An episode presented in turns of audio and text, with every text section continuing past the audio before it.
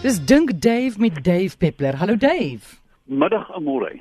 Val sommer weg hier met ons eerste vraag. Iemand wil weet Lelani sê, kan Dave asseblief verduidelik hoe die evolusie van die koei geloop dat hy nou afhanklik is van 'n mens wat elke dag die melk uit sy eier moet tap? Hoe dit gebeur? Sjoe, Amore, die die mak word of die mak maak van beeste is seker van die oudste ehm um, huisdiere wat ons het. Ons kan dit werklik 'n huisdier noem. En uh dis so ongeveer 10500 jaar gelede reeds in Turkye mak gemaak. Nou as jy mens geneties kyk na hierdie uh, oerbevolking, was daar omtrent 80 individue wat mak gemaak is en vandag staan hulle op 1.5 miljard beeste oor die wêreld. Ehm um, hulle kom van uh, twee lyne af die genus Bos, Bos taurus uit Europa en dan Bos indica uit die Midde-Ooste en die Ooste. En soos met honde en katte en en alle huisdiere het ons onsaglike hoeveelheid forme. Jy weet as jy kyk na jerseys en en uh al die beeste wat ons het, hulle vorm twee groepe, die melkbeeste en dan die vleisrasse. Nou ja, die melkrasse dink ek is meer afhanklik van ons want jy weet as jy 'n stomme koei nie twee maal 'n dag melk nie is daar moeilikheid in sy gaan mastitis kry en al sulke goed. Maar laat ek dit vir jou sê, as 'n as 'n vleisbees wild raak, is hy wilder as 'n gemsbok.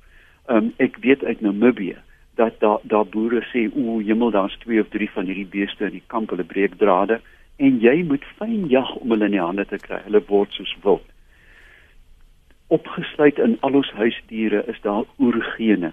Kyk maar 'n bietjie na daai katte wat op jou bed lê, maak 'n fyn geluid en die ore spits en die naels kom uit. Jy weet, en hy word 'n moordaardige dier. Honde, jy weet, uh, skielik, ons weet dat sekere rasse, weet 'n mens sou aanval, verwoed uh, sonder enige beweging. Jy weet, jy dink nog jy's veilig. Ehm um, met ander woorde, uh, ja, beeste kan uiteraard weer wild word, baie maklik. Ehm uh, maar veral die melkrasse is baie sensitief. As jy die bees net eenvoudig laat los in die veld en daar's genoeg kos, gaan sy oorleef. Sy gaan probleme hê met mastitis, maar baie gou as hy nie gemelk word nie, gaan die melk weer opdroog. Maar hulle is maar tengerige diere die hmm. melkrasse. Ehm um, dis 'n baie interessante vraag. Ons nommer in die ateljee 0891104553. Charlotte, goeiemiddag. Goeiemiddag, Amore. Dit is Sofia wat praat. Ek het 'n SMS ook gestuur, maar ek wil baie graag die antwoord weet. Ek wil weet wat is die hittegraad van 'n krematorium? En hoeveel lyke, hoeveel persone hmm. uh sal gelyk in in in so want hulle ek weet dit met 'n ontsettend hoë uh uh um hittegraad wees. So hoeveel persone sal te gelykertyd veras word? Dave. Ek ek het gehoor dis 'n interessante vraag na my wete. Ooh, daar verloor ons haar nou. Jy's nog ja, op die lyn hè? Het jy my? Ja, het jy ja, gehoor die, die hele vraag? Die temperatuur oh. is uiteraard baie hoog in die orde dink ek van 1500 of 1600 grade Celsius. Hmm. Ehm um, en daar is 'n ewige ehm um, debat oor mense wat sê ja, ek het vir ouma Kitty laat uh, veras. Hmm. Hoe weet ek dit is ouma se as? Nee, dit ja. is 'n ou vraag daai. Ek dink daar is 'n baie sterk protokol by meeste mense. Ek jy, jy gaan nie kyk daar is nie 'n crematorium warehouse nie. Dit is 'n baie toegewyde mm. um, instelling. En die meeste van hierdie mense, ek het dit self met my ma beleef, dat uh, dit is 'n baie sagte ritueel as jy iemand laat vashele. Hier is die oond. Mm. Kyk, die oond is leeg. Daar is ouma se kus, daar gaan dit in. Met ander woorde, een persoon word in, op 'n slag eties ja. vir as. En daarom is dit uh, kan jy jou geld maar daarop sit dat die as wat jy kry is die van 'n geliefde. Ja. So ek dink 'n mens moet geen twyfel daaroor hê nie. Ek dink nie daar is goedkoop verrassings of iemand wat uh, as 'n stokperdjie ander veras nie. Dis 'n baie toegewyde, eties gebonde bedryf. En jy word ook genooi vir die verrassing. Jy weet jy jy, is, jy kan kom as jy wil. Ek dink is ook reg, weet ja. jy, môre. Ek dink is absoluut reg. Hierdie is een van die groot gebeurtenisse in 'n lewe, die geboorte van 'n kind waar jy nou nie mense wil nooi nie, maar jy weet ons is so geneig om om om om die sterwingsproses te probeer verbloem met 'n hospitaal. Ek het die groot groot voorreg gehad om by die sterfbed van beide my ma en pa te staan. En weet jy die finaliteit wat jy daardeur kry, uh, is helend. Hmm. Mense wat nie die voorreg het nie, jy weet twyfel en rou, vir my was dit die volkome, dit was my 'n onsaglike voorreg om by te staan hmm. en te weet hulle is hulle is weg, finaal weg.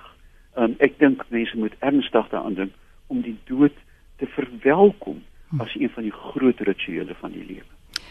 Wat ek bedoel toe ek sê jy word genooi vir die verrassing, hulle laat jou weet dis hoe laat die verrassing is, so jy kan soontoe gaan en dan kan dit is een mens op 'n slag, so jy kan sien.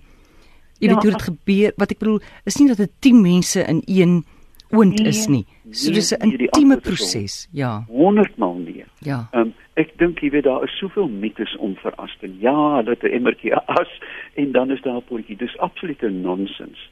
Uh, hmm. Ek het dit aan eie lyf onlangs met uh, met vriende beleef en dit was 'n baie pragtige ritueel waar jy genooi word en sê hier is die as van jou geliefde.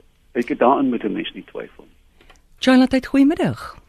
Hallo, goeiemiddag. Ehm um, ek wil graag vir Dave vra. Ek het 5 bye korwe hier in uh in my tuin van 'n bye boer. Nou ek het hulle baie baie fyn dopgehou hierdie afgelope meer as 'n seisoen die ehm um, van die bloeisels daar was tot nou in die winter. En wat ek gesien het, Duif, is dat hulle vlieg van blom tot blom. Daar is nie kos binne in die blomme nie.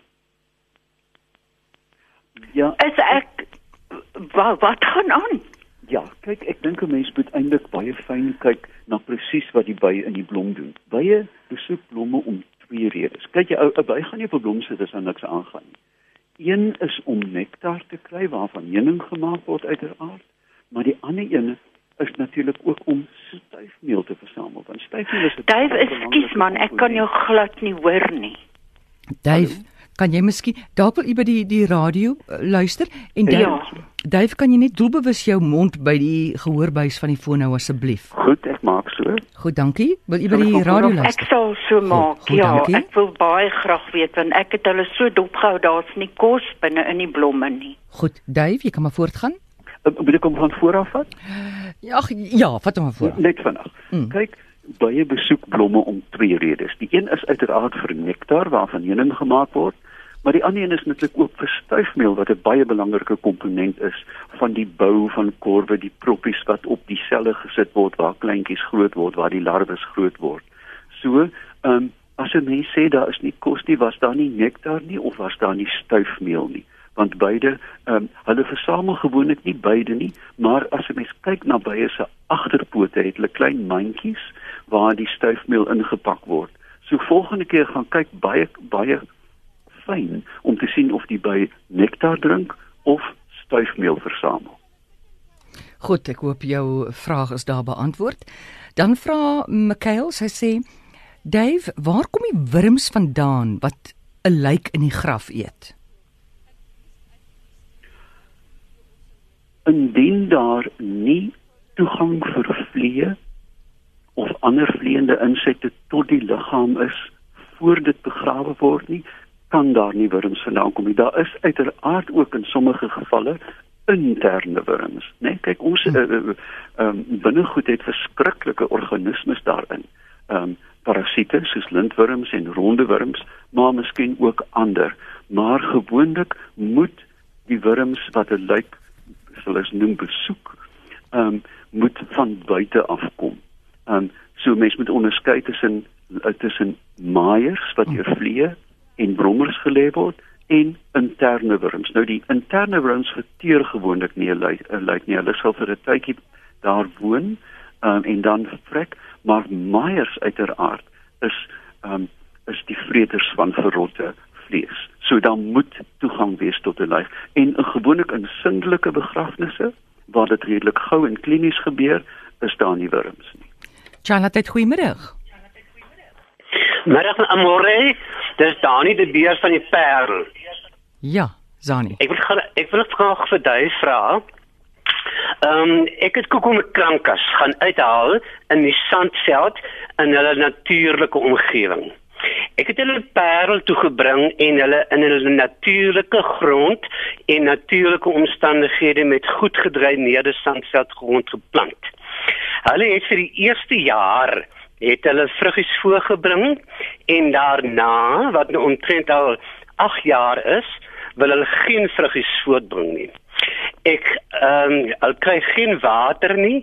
Hulle is alleenlik aangewys op natuurlike omstandighede en die simmermane wanneer hulle blom, dan gewaar ek die bye by hulle. En hulle ek kan nie agterkom of hulle bestuif word of hulle nie bestuif word nie, maar die bye werk daar. Maar vruggies voortbring, I kon not. Dan Dave, help asseblief. Goed. Ek is nie uh, bekend as 'n koeke met kanker um, kenner nie. Um, maar ek dink wat jy wel moet doen is om die um, wanneer hulle nou klaar geblom het hier in Januarie, hierdie bolletjies uit te haal en weer te verdeel. Jy sal sien dat hulle maak ekstra bolletjies. Ek het dieselfde probleem met van my blomplante soos soete amaling dat hulle vir 2 jaar blom en dan skielik ophou blom. En die antwoord is eenvoudig om hulle uit te haal en te verdeel. Jy gaan dan meer blomme kry. Hulle mag 'n jaar oorslaan, maar ek vermoed daar is 'n hele aantal klein bolletjies aan jou oorspronklike bolle. So verdeel en laat weet. Dat dat daai nie ek wil graag vir jou antwoord daarop. Ek het al van die bolle verwyder en in ander areas geplant.